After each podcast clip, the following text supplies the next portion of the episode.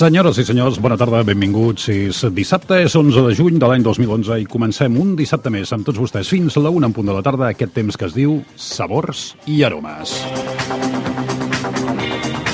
Des d'ara estem decidits a compartir amb tots vostès en aquesta jornada, un dia una miqueta estrany, un dia amb sol, amb núvols, amb la possibilitat d'algun ruixat en algun punt de Catalunya, en altres llocs doncs, potser tindran un fantàstic dia de platja, doncs estem decidits a compartir amb tots vostès tot allò que ens fa pensar en el bon menjar, en el bon beure i en el millor viure.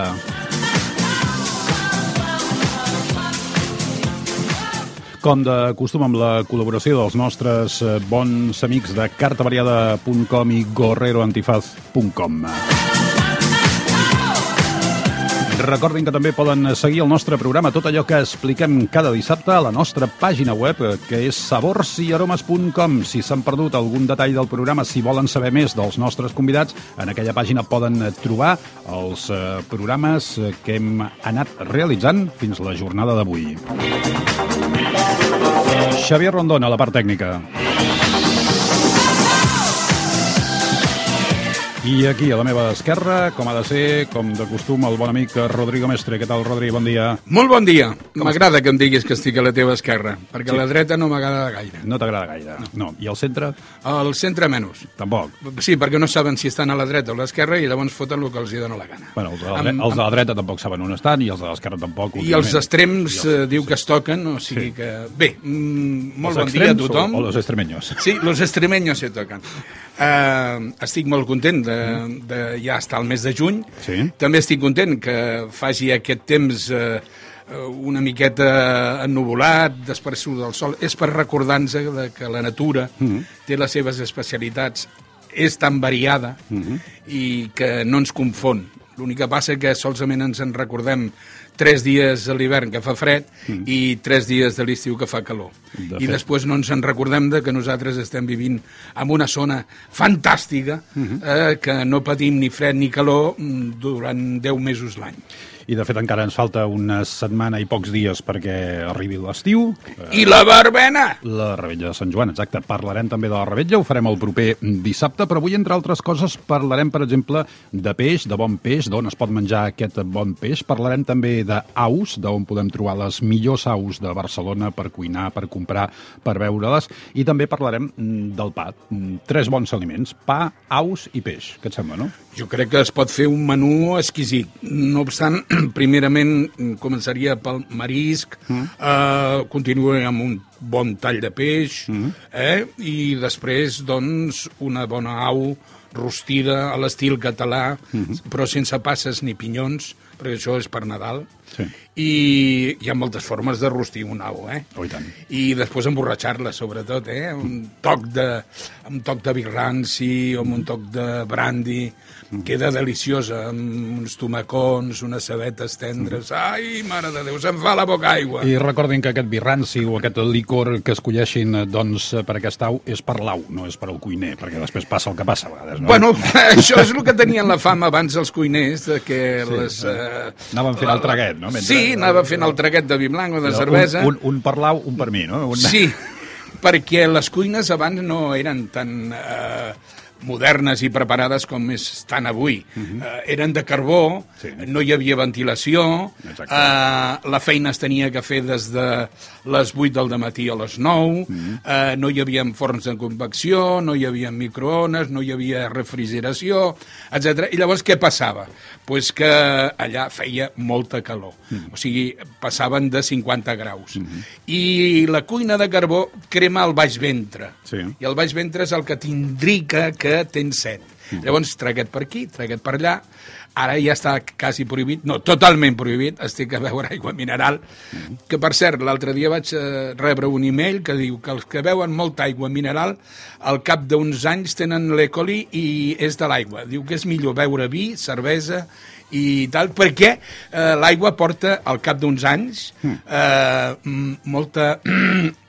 callo. Ja, ja has trucat a la, la ministra aquesta alemanya per dir-li que l'Ecoli ve de l'aigua, perquè estan bojos allò buscant a veure d'on Sí, ve l'aigua. sí, Sí, ve però és que es veu que no m'ha entès. Eh, saps allò de Strugen, Bagen, Prieten? Ja. Pues no. no em va entendre. No. Vas dir allò, salchichen per Kartoffeln? sí, Tampoc no. no, no, no. Molt bé. No, ich meisterlen en Deutsch mit dir, ja. Molt bé. Doncs, apa, doncs, escolta, quan vulguis li tornes a fer una trucada, li expliques i a veure si finalment troben el per què, perquè ens estan marejant entre el cogombre, la soja, eh, un Sí. restaurant... Eh, i, I això és que són alemans. Si haguessin sigut eh, espanyols, mare de Déu, la que es hagués muntat en aquí. És igual, la dreta hagués culpat a l'esquerra i l'esquerra a la dreta, ja ho saps. Ah, sí, juguen a ping-pong, és Ah, veritat, exacte. ping-pong. Doncs eh, comencem, comencem, com deies tu, parlant de marisc, eh, parlant eh, de peix i parlant concretament dels peixaters de la Mediterrània. No anem a parlar de tots els peixaters de la Mediterrània, sinó que aquest és concretament el nom d'un dels restaurants d'un grup que veritablement es preocupa això, per oferir bon Grup marisc. Grup Nas. Per oferir eh, bon marisc, bon peix, uns arrossos excepcionals. Crec que algun d'ells fins i tot és una especialitat molt, molt preuada i molt benvolguda, perquè a més crec que tenen el detall de fer aquells arrossos caldosos, que, que és difícil de trobar en alguns llocs. Eh? Sí, i a més que no és argamassa. Ja. O sigui, ja saps que moltes vegades demanes un arròs de llamàntol mm. i et donen allà una cassola mm, que sembla més bé ciment Sí. per construir mm, un, un, un apartat com plogui, no? Jo un dia vaig trobar un llamàntol que em deia tregui'm d'aquí, sisplau. Treguin d'aquí, no?, que estic agafat a l'arròs. No, el grup NAS és completament diferent, a més és un descobriment, ja fa temps que hi és, però el boca-orella, el boca a boca no és, és el boca a orella el que el fa diferent als demés. I a més la personalitat de l'amo eh, i dels seus empleats, que estan molt ben dirigits per aquest amo, eh, doncs eh, crec que és, és una persona inquieta, ara, ara ho demostrarem a l'entrevista que li farem a la, aquí, en aquest programa, uh -huh. eh, perquè ell mateix ha dit a una revista, ell mateix eh, es compromet eh, a que si alguna persona pot quedar mm, així una miqueta... Eh, doncs avui no què et puc fer, no? Ja, ja van allà i diu, escolta, què, què, què ha passat? Que passa molt poques vegades. I tenen una terrassa excepcional pels senyors que no puguin aguantar-se de fumar, poden dinar i fumar, cosa que no aconsello. Eh, jo prefereixo el puro de després i fumar-me'l tranquil·lament. I, a més, no en una terrassa, perquè eh, el que fuma un puro en una terrassa, hi ha un criu, hi ha una família, hi ha d'això, i em mira malament. I llavors, fumar-te un puro amb males mirades, amb una família que t'odia i tal, no m'interessa. Me'n vaig a casa i llavors em prenc una miqueta de destil·lat i el puret i ja està. I llavors allà també ho pots fer-ho, eh? Sí. Però clar, hi ha les mirades de la gent del Ja costat i este, este nuevo rico, perquè fumes un puro, no? Ja. Bueno, pues, eh, els peixaters de la Mediterrània, fantàstic. Et puc dir que, a més de, eh, de que el peix el tenen allà davant, amb, una, amb un expositor, hi ha uns peixos que no són de piscifactoria, perquè són monstruos, o sigui, llobines de 3 quilos i 4, Déu-n'hi-do. eh, rodaballos o turbós d'una immensitat que quasi ocupen quasi tot el vidre de l'expositor, llussos de cap gros, que jo els hi dic, eh, d'aquests del nord. bueno, jo per què tinc que explicar les coses si tenim aquí el Nas i el Ramon, que és el seu director de sala, i que tu fessis les preguntes que tu vulguis, mentre m'aniré mirant la revista, perquè és fantàstica, i a més els preus, fixa't tu, l'arròs caldós de Llamàntol, 22,90. I jo crec que amb una reacció en poden menjar dos. I això s'ha d'espavilar, això. Se li té que dir la gent. Nas eh, Huacas y Ramón Esteva, ¿qué tal? Bienvenidos, ¿cómo estamos? Muy bien. Acércate al micrófono. Acércate, Sí. o, o el micro, o tú te acercas al micrófono, o el micrófono se acerca. Y eso es más difícil, que el micrófono se acerque, de momento aún no lo hemos conseguido.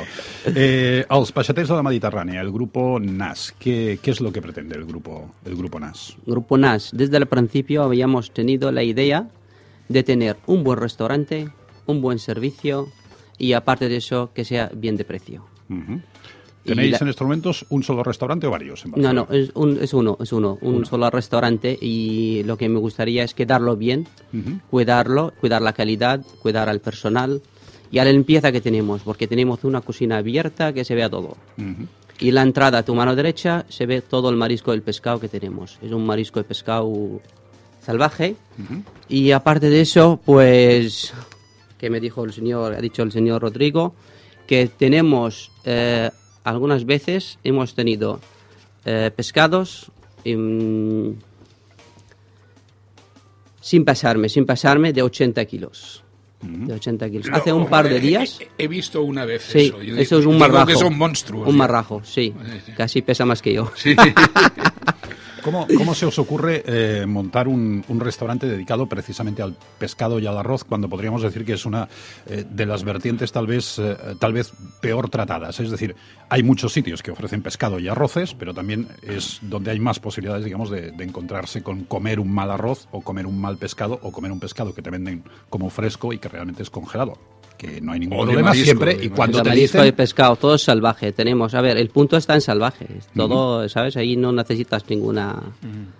Todo es salvaje y con, con una poca de sal O sea, ¿qué gorda quieres decir? Que no buena. compras a piscifactorías. Nada de piscifactoría. Ahí está. Nada, todo es salvaje. Todo salvaje, fresco del día y la comparación con los otros restaurantes, nosotros somos los mejores. Creo sobre eso, aparte Bueno, de ¿y eso, ¿eh? qué, y qué va a decir Nas? se ¿Verdad, trata, Ramón? se trata No de sé. probarlo. Y, Si el jefe dice eso, Pues ara hem de fer cas. y aparte, aparte de eso, dejaré al señor Ramón que lo diga, ¿Cuál- porque cuál- él sabe más que yo, creo. Ramon, tu ets el, el director de sala, no? Ets la persona que portes el, el menjador, per dir-ho d'alguna manera, Sí. no? Eh, quin és el client tipus de, dels peixaters de la Mediterrània?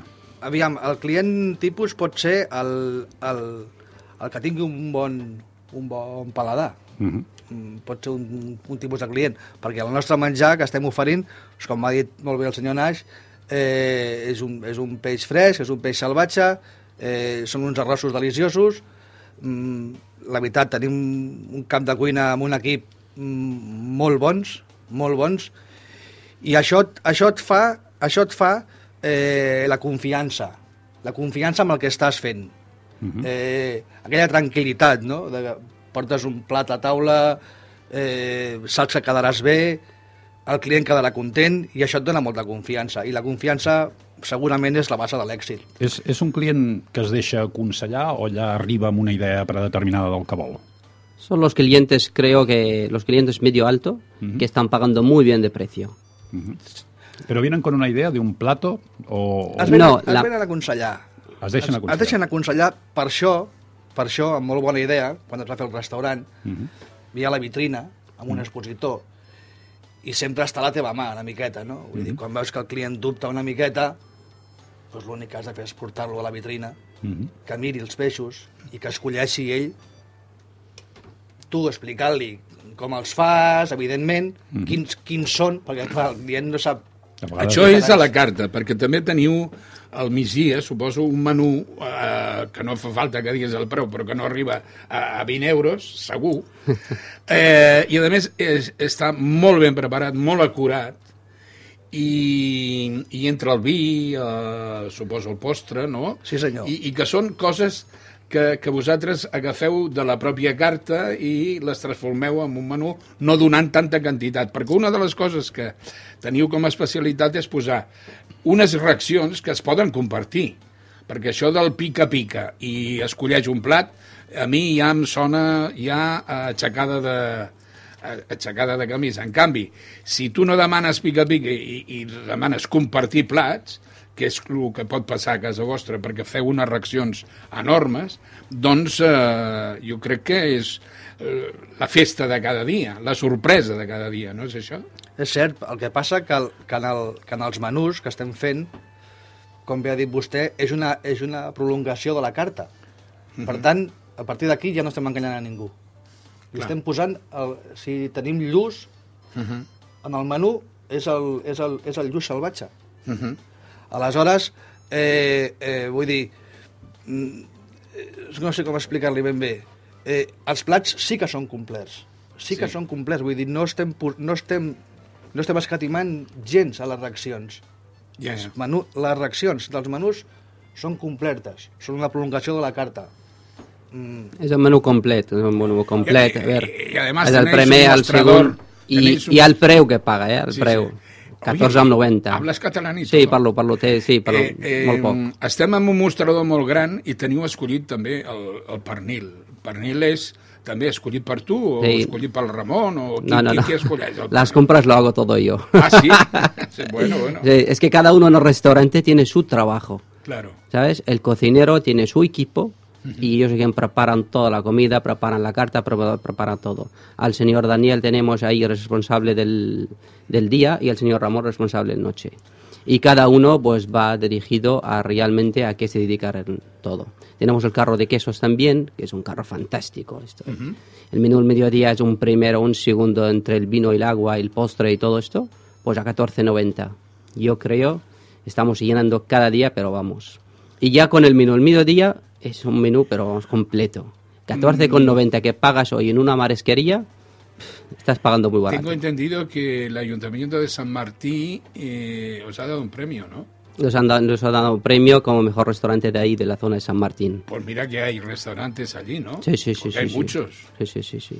Es, un buen, es un buen restaurante ahí, ¿sabes? ¿Y por, Aparte qué, de eso, ¿Y por qué se os ha distinguido en, por ser el mejor? por los o por- arroces. Ah, por lo- la especialidad de La los especialidad arroces. de los arroces. Hemos salido en el time out como los mejores arroces. Ah, ¿Cuál- time out. ¿Cuál Sí. es vuestro, vuestro arroz estrella? Nosotros no tenemos un arroz estrella. Lo que nosotros tenemos una variedades muy grandes de arroces.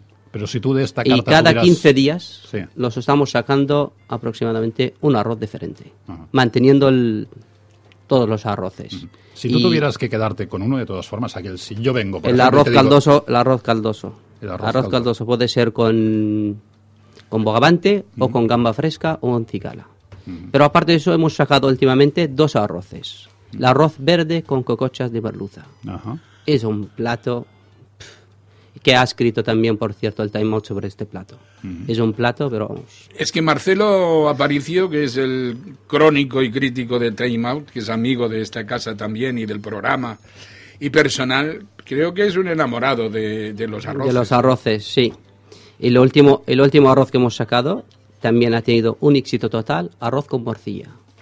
¿Arroz con morcilla de cebolla o, o de arroz? Porque hay dos clases de morcilla, la morcilla de Burgos. De cebolla, ah, de cebolla, al estilo valenciano. al estilo valenciano. Ah, qué bueno, sin piel. Pero, o sea, deshecha con pero ahora hemos cambiado el nombre, ¿eh? ¿Ah, sí? Claro, al estilo als pachatés. Ay, al estilo... qué egoístas, egocéntricos y agólatras sois.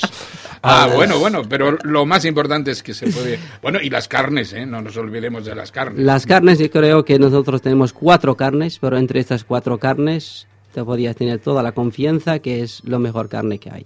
Yo estoy salivando ya, ¿eh? Els ya empieza peixaters la de la Mediterrània. Esteu al passeig Garcia Fària 33 de Sí, Barcelona. amb bac de roda. Amb bac de roda, I això. I Tiene tenim pàrquing. un pàrquing també, Ahà. sí. Molt bé. I els dies que obriu, els dies que tanqueu, horaris... Tenim el, el dilluns que es tanquem. El dilluns és el que tanqueu. Sí. Els dilluns que són festius com aquest també tanqueu o no? Obriu? No, no, el, el dilluns festiu jo ja no. Molt bé. Tenem oberta, eh? Seguim amb els peixaters de la Mediterrània, parlarem d'aus i parlarem eh, de pau. Ho fem aquí, a Sabors i Aromes, quan eh, són, eh, en aquest cas, 19 els minuts que passen de les 12 del migdia. Sabors i aromes.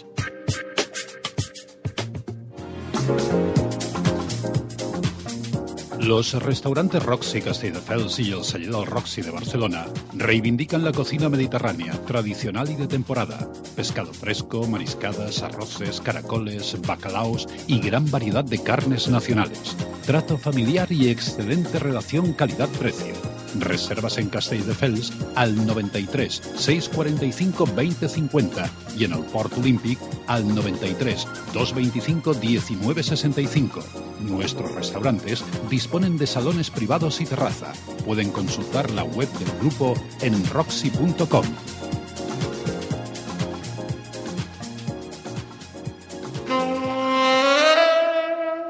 Sabors i aromes. Segui a taula i escolti.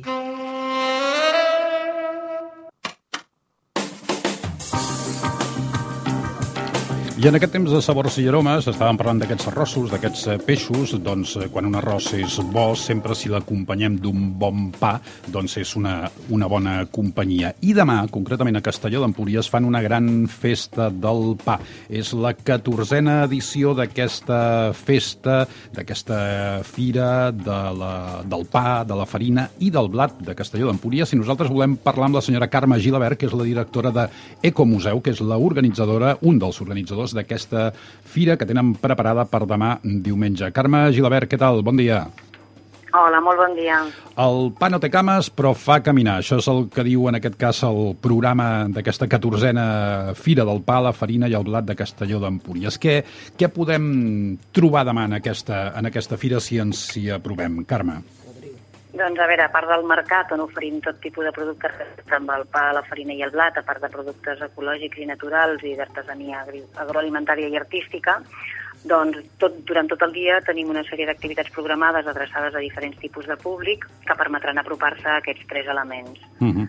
Aquesta és la catorzena edició. En el seu moment, com neix la idea de fer una, una fira, això del pa, de la farina, del blat? Bé, doncs ja fa 14 anys que Castelló té en funcionament, el, en funcionament l'Ecomuseu Farinera uh -huh. i mhm. un de les voluntats de l'Ecomuseu és doncs, col·laborar a la dinamització de, de la vida econòmica i cultural del municipi. Uh -huh. Llavors tenim també una pagesia doncs, que ens conrea el blat, en aquell moment teníem també la farinera que encara estava en funcionament i evidentment tant restauradors com uns flaquers doncs, que ens permetien transformar aquest producte en deliciosos eh, sabors, com sabeu vosaltres, no? Sí. Llavors, aglutinant els tres productes, vam començar a tirar endavant aquesta fira. Mm -hmm. El pa ha viscut eh, diversos moments a la seva història. Hi va haver un moment en què el pa semblava doncs, que quasi no es podia tastar, que si engreixava, que si no era bo, que si era dolent, i ara doncs, sembla que hi ha una mena de ressorgiment del pa, eh, de moltes menes de pa. Això sí, alguns d'ells, evidentment, bons, productes de qualitat, altres, a vegades, doncs, barreges una miqueta fins i tot inversemblants i molt estranyes, no? Sí, de tota manera jo penso que avui en dia el pa ja està arribant al producte de gourmet, és a dir, tenim el pa habitual, el de cada dia, però també tenim fleques que s'estan especialitzant en productes mm, realment tipus gourmet en, en temes de pa. Nosaltres, per exemple, dintre de la fira presentarem aquest pa de la Tramuntana, uh -huh. que és el fruit d'un treball de ja portem 3 anys de col·laboració de pagesos, del gremi, del, des de l'Ajuntament, etc i el que vol és fer un pa a partir d'unes varietats antigues i velles de blat que es fan a la zona dels aiguamolls de l'Empordà. Quin... I es presentarà també demà en el marc de la fira. Com, com és aquest pa, aquest pa de tramuntana? doncs suposo que estarà una mica tocat de la tramuntana. Uh -huh. uh, de fet és això, està fet amb aquestes varietats de blat, s'ha anat a buscar unes varietats antigues i velles, com us deia, fetes en la zona del Parc Natural dels Aiguamolls, i que els flaquers han estat buscant una bona combinació d'aquestes farines per tal d'elaborar aquest pa de tramuntana que té una forma tipus llonguet una mica més allargada uh mhm. -huh. i que, bueno, que demà presentarem. A mi m'agradaria mm, preguntar-li dues coses. Una, com es pot fer mm, malament un pa? I després, eh, com és que eh, moltes vegades s'abusa del preu del pa? Pues, aquesta pregunta potser l'hauries de fer als representants del gremi. Jo penso que sempre el tema d'una bona elaboració del pa té molt en compte els ingredients i el procés d'elaboració. A partir d'uns bons ingredients, amb una bona elaboració, és impossible que ens surti un mal pa. Mm? Tenint ofici de flaquer, eh? Sí, si sí. poso jo segur que no sortirà ja, ja. un bon pa. Bueno, però vostè deu conèixer pues, un pa com surt gomós, com surt... Eh, i jo... Sí, evidentment però també ens hi, aquí, per exemple, a la zona de l'Empordà també ens mm. influeix la climatologia. El dia que fa tramuntana, mm. al cap del dia el pa està més sec que el dia que hi ha humitat, això és evident. Clar. També moltes vegades a la gent que ens visita al museu ens pregunta oh, però aquests pans d'avui s'ha de tenir molt en compte on es compra el pa. Uh -huh. I qui, qui ha elaborat aquest pa. Uh -huh. I, i, si volem una baguet d'aquelles que surten precuites, eh, sí. que estan molt cruixents al cap d'un moment, però al final del dia ja no, ja no és el que havíem comprat. No? I, i, i aleshores tot això, la professionalitat ha fet augmentar el preu, no? Però jo no sé si és la professionalitat, uh, això ja ho, us ho hauríeu de discutir amb, amb, el, ja, ja. amb el món flaquer. Eh? Jo no, no sé si està en la professionalitat com bueno, que hi ha un tipus de producte que té un procés mm. d'elaboració potser més delicat, que es fa a partir d'unes farines potser que també tenen un preu de cost més alt, Llavors suposo que tot això el, el, com, bueno, la persona que té la fleca ha d'acabar-ho valorant. Sí que a vegades trobes pans que potser són molt i molt cars, ja entren dintre de farines molt especials, molt ecològiques, però clar, cal valorar què hi ha darrere d'aquell pa. Estic satisfet perquè m'ha contestat les dues preguntes. Moltes gràcies. Gràcies a vosaltres. Eh, Carme, eh, demà és aquesta gran festa del pa, però com deies, eh, abans hi havia una farinera que en el seu moment funcionava, després va deixar de funcionar, que, però que crec precisament que avui dissabte l'heu tornat a posar en funcionament perquè la gent pugui veure, mm, diguéssim, una miqueta com és aquest procés, no? No, no, Ah, no? en funcionament no està. Nosaltres el que sí que hem fet és museïtzar aquest espai productiu. Som un museu de, de ciència i tècnica, un museu que està dintre del sistema del Museu de la Ciència i la Tècnica de Catalunya, Ahà. i el que fem és donar a conèixer aquest procés industrial via aquesta maquinària, que no es descarta que en un futur es pugui posar en funcionament, Mhm, però que actualment no ho està. Eh? Es pot comprendre molt bé el procés a través de tot el que és la interpretació museogràfica del conjunt, però no està en funcionament. Mm. Doncs eh, demà diumenge, a partir de les 10 del matí, a la plaça Joan Alcina, no? És? Eh, concretament és on, Exacte. on feu aquest mercat amb tots aquests eh, productes. Eh, com tu deies, doncs hi haurà diverses activitats eh, lúdiques, eh, festives, i hi haurà, diguéssim, també un concurs, si no m'equivoco, de, de coques o de dolços, eh, alguna cosa així, també? No, No? el concurs de coques ja no el fem. Ah, ja no el feu. Ho havíem fet en passades edicions, però en aquest cas no, no hi ha. Aquí tindrem demostració de pa en directe per part Ah. del Gremi de Flaquers, que també faran tallers per la mainada. Mhm. Tindrem actuacions de diverses entitats del municipi, de la Coral, de, del col·lectiu Paller Inquiet, que és un col·lectiu de dansa. Mhm. Tindrem també la gent del country, que també ens farà demostracions de country. Ah. Uh, I acabarem amb una obra de teatre de, que és del, del tema de la fira, que és el Forn del Lleó, on entrarem a Vilagaleta i coneixerem què hi va passar. Mm.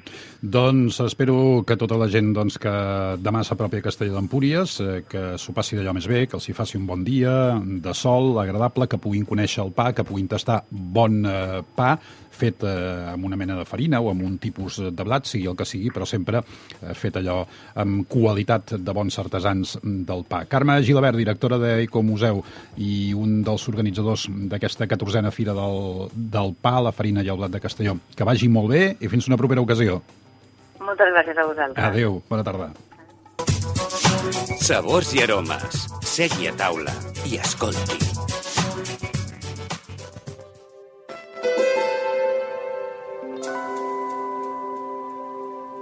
Restaurant Feliç 2, on descobriràs l'harmonia de la cuina xinesa i mediterrània. Conèixer Feliç 2 és endinsar-se en una aventura gastronòmica que el nostre paladar ens agrairà.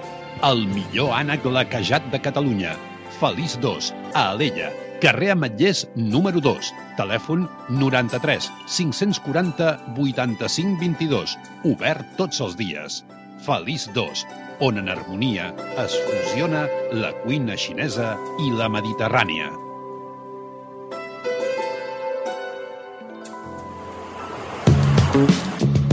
Sabors i aromes, amb Frederic Sala i Rodrigo Mestre. Yaya Amèlia és un restaurant familiar que ofereix una cuina de temporada i de mercat amb especial atenció al bacallà. Yaya Amèlia, la tradició de la cuina de sempre al carrer Sardenya 364. Telèfon per reserves 93 456 45 73.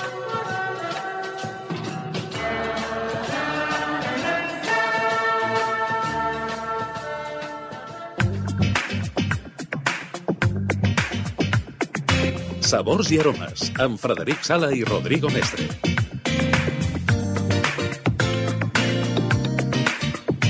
Per cert, abans de seguir parlant dels peixaters de la Mediterrània del grup NAS, si em permet, saps que es va fer aquella setmana de les tapes eh, a Barcelona. Sí, sí, sí, sí. Eh, diu que això ha provocat aproximadament que es varen fer unes 35.000 consumicions i en aquest cas el que voldria és felicitar a un dels nostres bons amics que ha aconseguit en aquest cas eh, un premi en aquest d'això de tapes, eh, que és concretament els amics del Cafè d'en Víctor. Perquè, doncs, eh, diguéssim que qui va guanyar en aquest cas eh, va ser eh, doncs una, una etapa que es deia 877 amb foie, un tast eh, inspirat en la tradicional torrija, feta amb Pedro Ximénez i làmines mm, de foie, doncs en aquest cas diguéssim que l'Escola Superior d'Hostaleria de Barcelona eh, va decidir que l'etapa guanyadora fos el Montemar, que combina rap, pollastre, eh, gamba i formatge sobre una fulla d'endívia amb salsa de foie, firmada per Jesús poema. García del Cafè d'en Víctor. Víctor Nuez, Exacte. trompetista. Eh? Exacte. Doncs felicitem-lo per aquest guardó que... Felicidades, Víctor, y también a tus hijos, indiscutiblemente, que dirigís un buen restaurante frente a la mismísima Catedral de Barcelona. I després, doncs, eh, els senyors d'Estrella d'Am, que de fet patrocinaven una miqueta aquest concurs, van decidir eh, guardonar eh, la bomba prodigiosa del mulet a càrrec d'Albert Balaguer, mm, que diuen que era la que millor, en aquest cas, feia un, un maridatge mm, amb la cervesa. La bomba. La- Ah, la bomba- ¿Picanta o sin...? Eh, Era, era una bomba que estava farcida amb rocafort líquid i xistorra.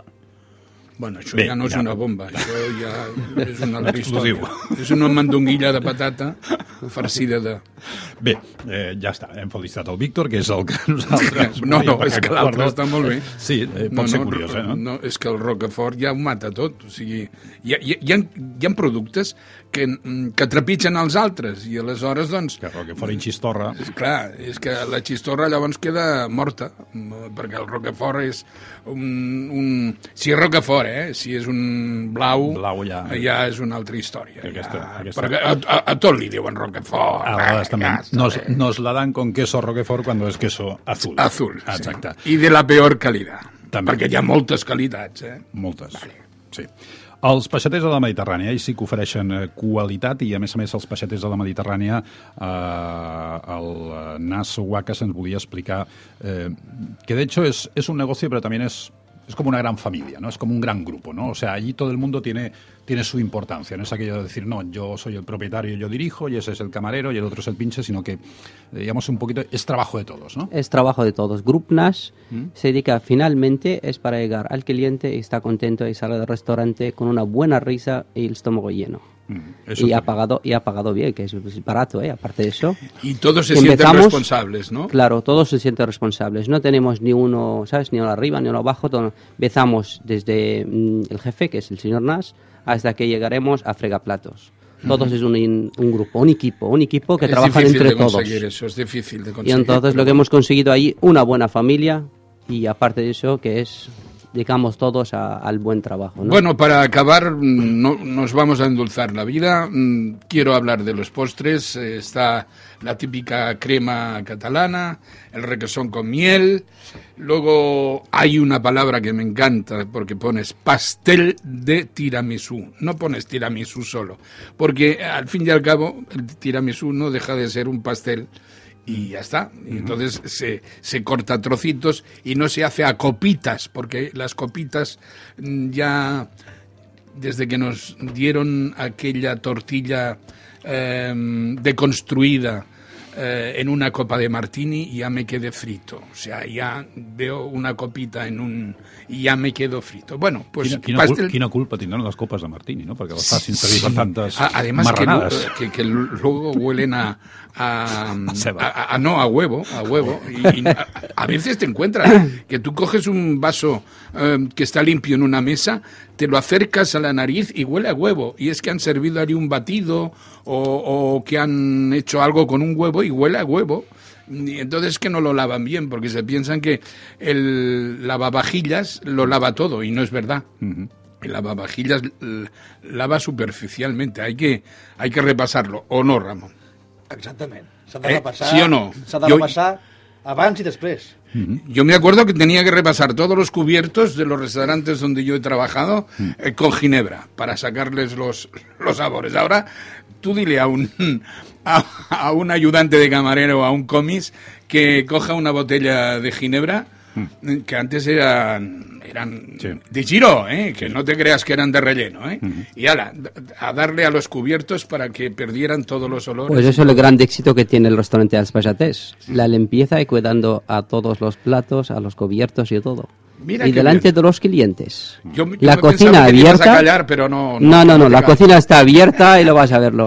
A ver, nosotros si abrimos todos los días trabajamos a tope, ¿eh? estamos Claro, trabajando claro, mucho en esta crisis. Por eso pero, estás aquí, ¿eh? Pero lo que, lo que pasa es que tenemos que cerrar un día a la semana, más que nada para hacer el mantenimiento, un buen mantenimiento del restaurante. Dime el nombre De una cocinero. buena cocina. El señor Amin. Amini. eh, Amin. Amin. El señor Amin es el gran cocinero. Muy bien. Saludos al señor Amin, al señor Daniel y a todo el equipo que están ahí escuchando a nosotros. Pues ahí, uy, y qué rubia más bonita está en la foto. Ahora me acaba de pasar la foto, fíjate, eh, estoy celoso Son de ti. profesionales, ¿eh? O sea, ya, ya, son profesionales. Bueno, Doncs- Muy bien. Doncs eh, nosaltres els hi fem aquesta recomanació, que s'apropin al passeig Garcia Fària 33, eh, cantonada Bac de Roda, això és el Poble Sí. Sec, no? Eh, No, Poble ah, Nou. Poble Nou, perdó. El el Poble Nou, exacte, ara ja em Al confonia telèfon- poble. El telèfon, quin telèfon poden fer reserves o poden demanar Tenemos el- informació? a través de la página web, a Ajá. través de los contactos, a los pasatés de la Mediterránea o el- se pone en Google Group NAS. Mhm. Y aparte de eso, tenemos al teléfono 93 266 38 84. Doncs eh, ja ho saben, aquest és el telèfon al que poden trucar, poden demanar informació, poden reservar taula eh, i allà s'ho poden passar mm, d'allò més bé. L'horari que teniu, a migdia, per Hora- exemple... Horario tenemos todo el día la cocina abierta. Todo el día. Es Desde las las- 11 y media, 12 del mediodía hasta las 12 de la noche. A las 6 de la tarde me puedo comer un arroz, También si se quiero. puede comer un buen arroz. Muy bien, pues ya lo saben, una recomendación muy especial als peixaters de la Mediterránea. Ramón, Huacas, Nas, Grupo, gracias por estar aquí a todos. Con mucho gusto. Gracias. Sabors i aromes.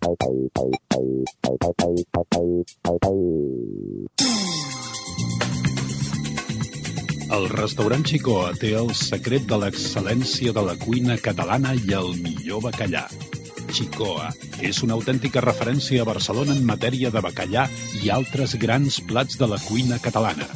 Xicoa, al carrer Aribau 73. No deixi de tastar els arrossos i sobretot els bacallans que des de fa més de 40 anys fan gaudir generacions de catalans. Xicoa, l'excel·lència del producte i la preparació. Aribau 73, 93, 453, 1123.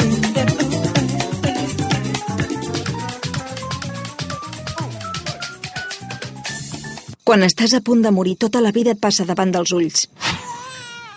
Mama... En algunes zones del món, per causa de la pobresa, la malaltia i la fam, la vida acaba massa aviat. Mans Unides 902 40 07 07 o mansunides.org. El seu demà és avui.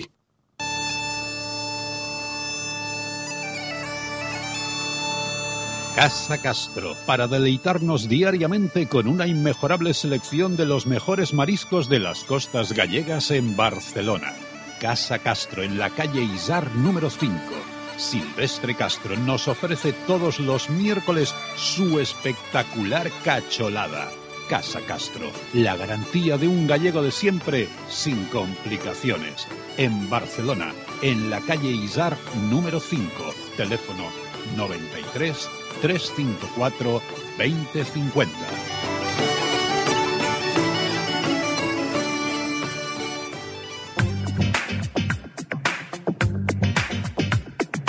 Sabors i aromes, amb Frederic Sala i Rodrigo Mestre.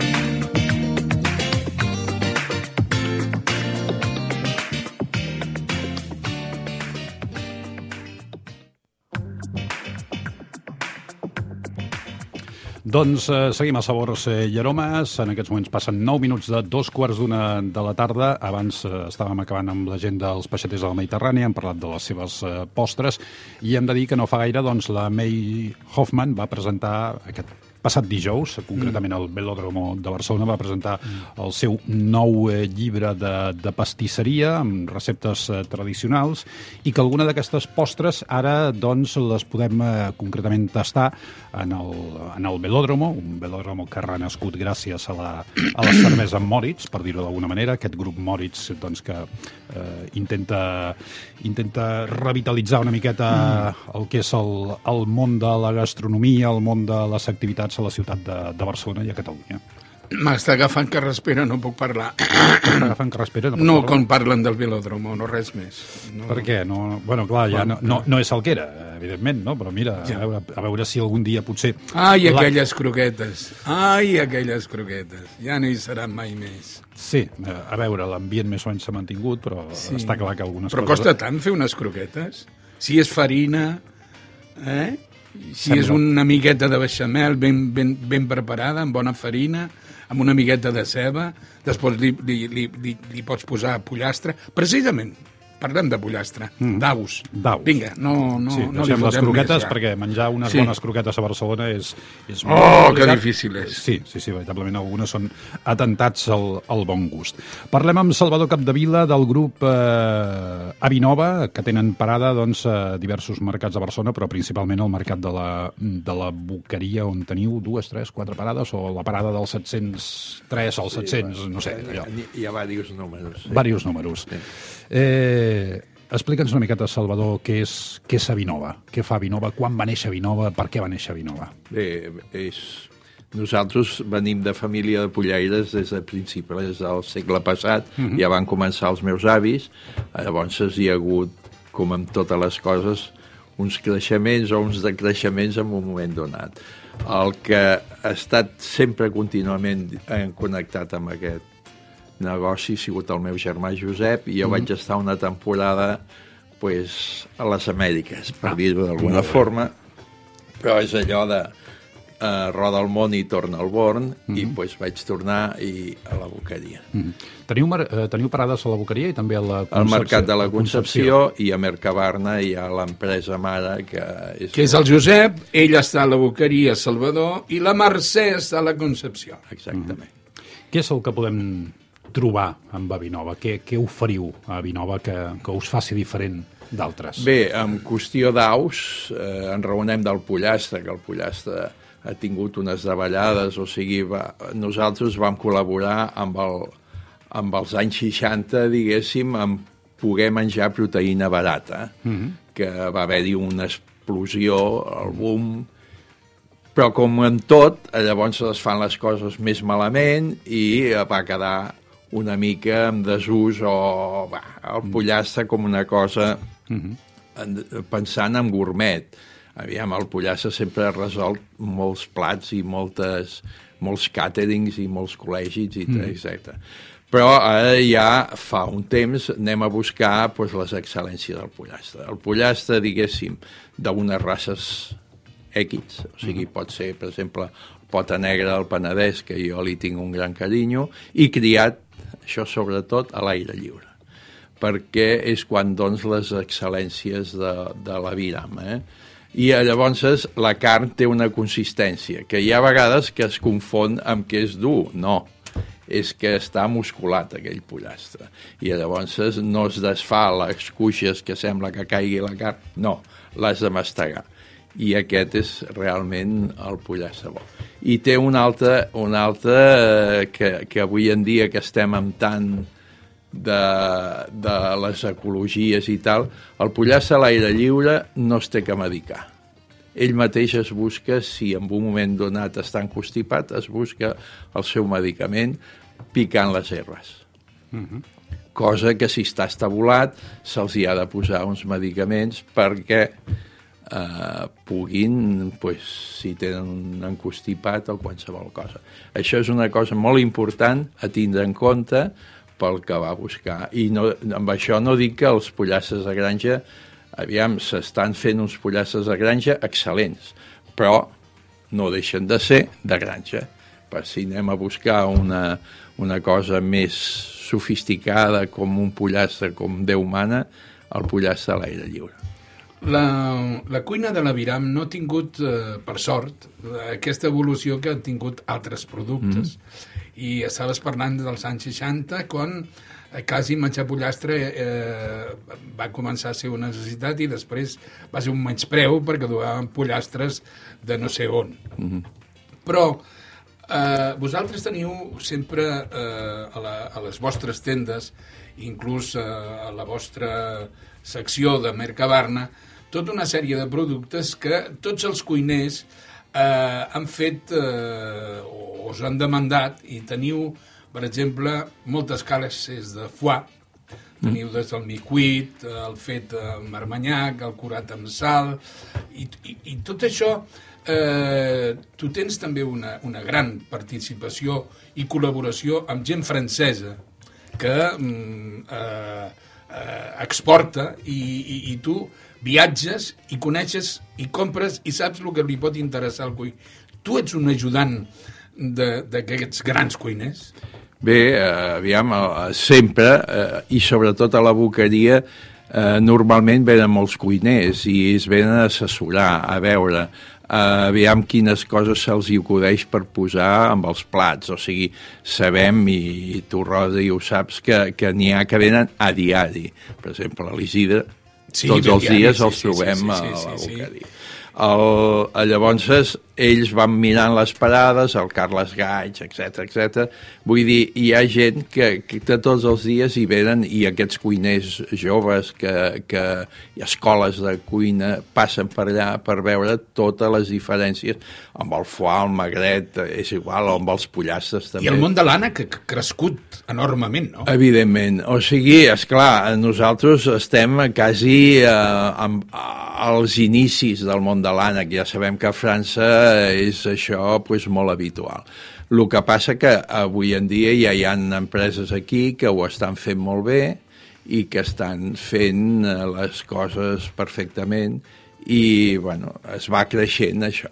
Hi ha una anècdota que suposo que la veu treure vosaltres eh, amb un silenci que solament la, el vostre cercle d'amistats ho va conèixer, que eh, la gent es va, es va cansar i ha de menjar, o, o es cansa, de menjar eh, l'hamburguesa tan típica de bou, o de porc o de vedella, i vosaltres veu treure l'hamburguesa de pollastre. I us va passar una cosa, no?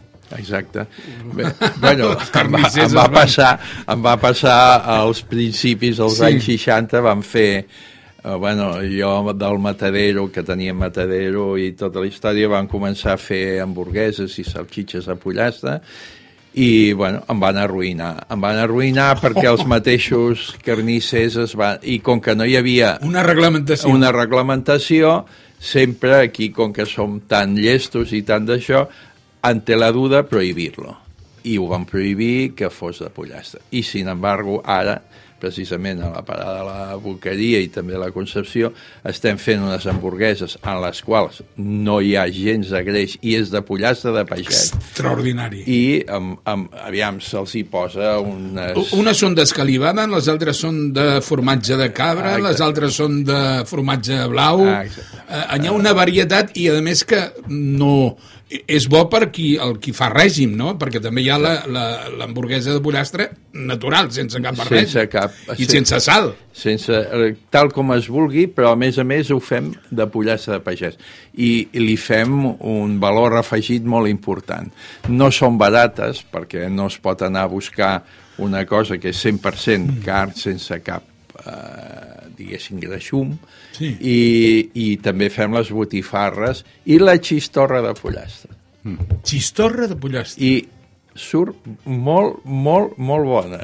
O sigui, bastant bueno, que l'únic que hi ha és el, el pimentó, ah, no? exactament. Que, Però... que inclús es podia fer picant i tot, perquè hi ha pebre vermell picant, Exacte. que deuen ser boníssimes. Va, doncs em sembla que jo m'hi aniré a buscar sí, avui sigui... a la Mercè, que sí. passo per la Concepció. Exacte pues, a, a, aviam, eh, estem innovant contínuament perquè pues, eh, gràcies a Déu estem bastant tips de tot. I hem d'anar buscant sempre novetats. Salvador, la, la gent, sobretot la, la gent que normalment va al mercat i vol comprar quan ha de comprar un pollastre sempre es queda amb el dubte aquest pollastre que estic comprant és bo, aquest és un pollastre de granja, aquest és un pollastre eh, que s'ha criat eh, doncs, allò en, una, en un lloc tancat que pràcticament no s'ha pogut bellugar eh, hi ha alguna forma de saber si aquell pollastre que estem comprant veritablement és un bon pollastre o, o té més química que, que, que realitat? A part del preu, eh? A part del preu, sí. Bueno, no, la, la, la visió, no. la, la, la imatge... Com ha de ser un pollastre? Blanc, groc, vermell pot ser blanc, groc, eh, de tota la, la, perquè depèn de les races i de lo que mengen, uh -huh. pues tenen les seves coloracions. El que passa que, per exemple, aquí a Catalunya fora de Lleida s'estima més el pollastre groc, perquè antigament menjaven blat de moro i això els hi donava aquesta coloració. No obstant, el pollastre de granja, si el volem groc, pues s'hi posa un additiu a dins els pinços i surt groc. Vaja. O sigui, però aviam, els pinços no són dolents, eh? Ja, No són dolents sempre i quan es facin com Déu mana, eh? O sigui, perquè està fet a base de gra Mm. i, i uns correctors. I abans que hi posaven farina de peix tenien gust de peix, eh? Per- Per, per hi va exemple. haver una, una època que... Bueno, no és per anar, en un moment donat hi havia escassez de blat de moro i es ficava per donar-los les proteïnes. Sí. Ara això ja no existeix, ja el preu ha quedat una mica en segon terme i els pollastres de granja, sense, sense ser una cosa extraordinària, són uns pollastres que es poden menjar. Ara, el, el, el més important és la raça, els dies de criança, els, els pollastres que hi han per metre quadrat, importantíssim, perquè, o sigui, amb el pollastre de granja, que és el, el que fa diferent, en posem 25 per metre quadrat. I un pollastre de, de, a l'aire lliure, que en diem perquè han d'estar, han de tindre una caseta per Sí, aixoplugar-se i tal, pues no pot estar més d'un pollastre per 10 metres quadrats. O sigui que dels altres en tindrien eh, 4... Eh, 250. 250. Exactament. Aquí està la diferència brutal, amb la qual jo dic que un pollastre d'aquests de, de pagès és, encara que valgui tres vegades més que el de granja, és 100 vegades més barat que el d'això. Per què? Imagina't. Ens parlen en moltes ocasions això de, del pollastre de pagès i després del pollastre de pagès que si el de pota blava, que si el de pota no sé què, que si el de cresta... Veritablement hi ha tantes varietats i hi ha tanta diferència entre un pollastre i l'altre sí. o mentre la, la criança sigui bona, com tu dius, eh, a l'aire lliure, estigui tranquil aquest pollastre, mengi natural o mengi el pinso que ha de menjar però, però ben elaborat, mm, tots més o menys són iguals. No, uh, aviam, les races influeixen i cadascú té una, una especialitat, per dir-ho una cosa. Si tu em vens allà a la parada i em dius un pollastre de pagès que vull fer pollastre, mar i muntanya, doncs mm. pues agafaré un pollastre de pagès no massa, o sigui, que s'ha criat bé, però està volat, mm -hmm. amb el qual la carn no té massa personalitat, perquè la gamba li agafarà el gust, oh. siguent un pollastre bo, mm -hmm però eh, llavors agafa. Si és un pollastre com aquests del Penedès que dic, té una personalitat brutal, mm -hmm. pues és que no se li pot posar... Eh, és pollastre. Estic a rostir, estic és rostir. pollastre, Ja o sigui està. d'això. I aquí podem tindre races pues, mítiques aquí a Catalunya, com pot ser la del Prat, mm -hmm. el que passa que és una raça molt antiga i fa molt poca carn, Mm. I, i jo quasi sempre m'aboco amb un, amb un terme mig, que és aquest del Penedès i criat a l'aire lliure. I el del Prat és boníssim, mm -hmm. el que passa que li té poca carn.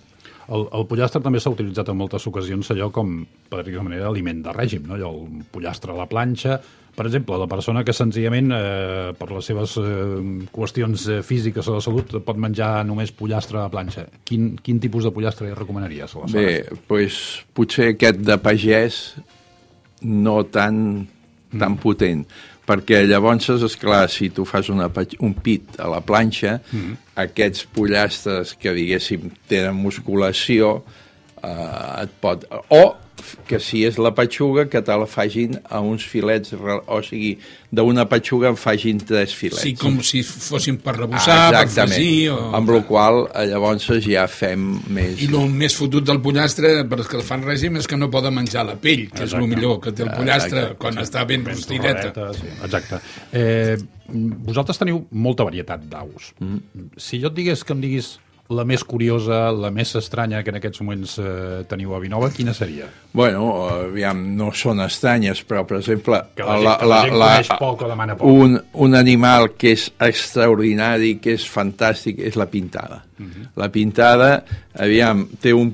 Eh, quasi es pot dir que està a la primera generació de salvatge a, a domesticada. Mhm. Eh, Llavors, es- aquesta pintada, diguéssim, criada a l'aire lliure, que eh, si us hi fixeu, tenen la punta de l'ala tallada perquè és tan fresca que s'aniria, volaria. Mhm. la pintada és saborosíssima, té una carn negra, és, és quasi un faisà.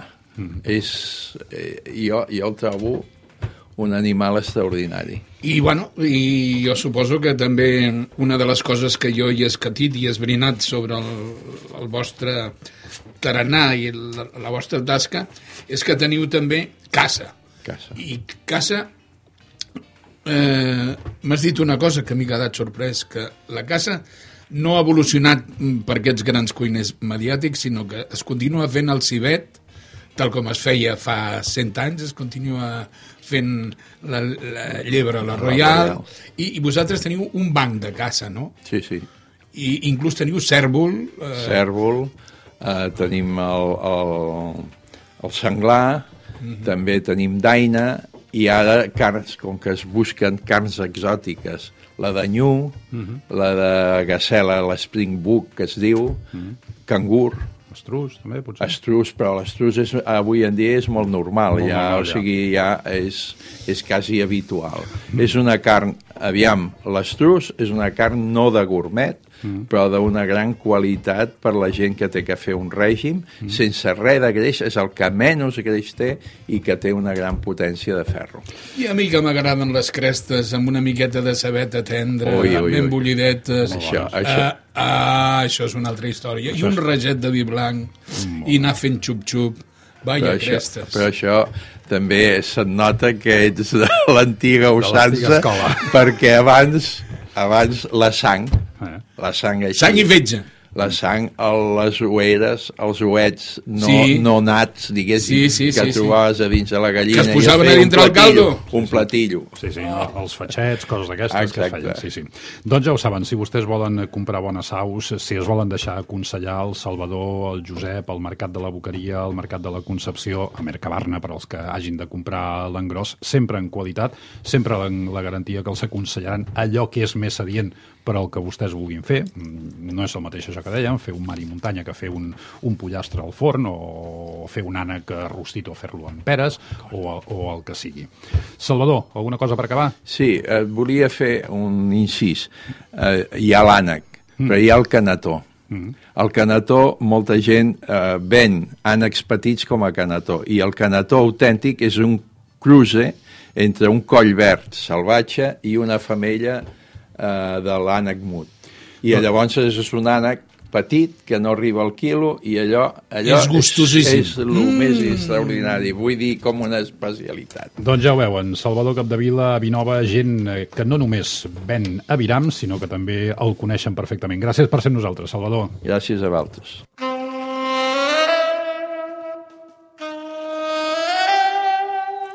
Sabors i aromes per llepar-se'n els dits.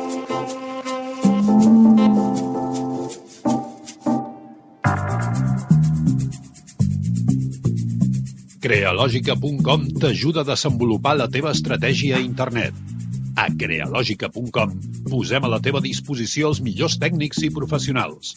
Programadors, dissenyadors, gestors de publicitat, experts en comunicació...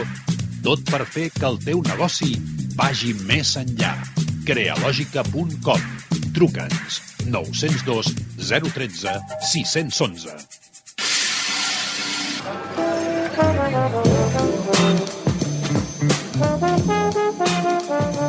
Casa Uriarte, cocina vasco-navarra en Barcelona.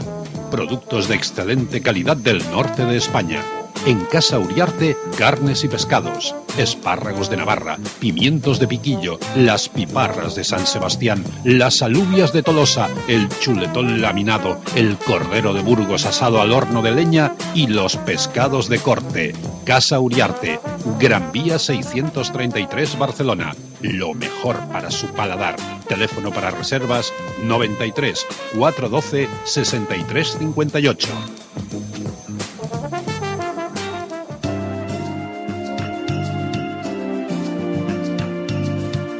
Sabors i aromes, amb Frederic Sala i Rodrigo Mestre. Doncs fins aquí el nostre Sabors i Aromes avui. Hem tingut sabors de la Mediterrània, amb els peixetes de la Mediterrània, hem tingut el gust del pa en aquesta Fira del Pa, la farina i el blat que demà es fa a Castelló d'Empúries i hem tingut també, en aquest cas, el gust, l'aroma dels bons sabirams de Avinova. Rodrigo, que tinguis una bona i feliç setmana. I tant, Que- perquè el dia 18 faltaran 3 dies per ser l'estiu i faltaran pues, 6 dies per fer una rebella d'aquelles de pa sucat amb, Amb oli. Ja ho saben, si volen molt més, saborsiaromes.com.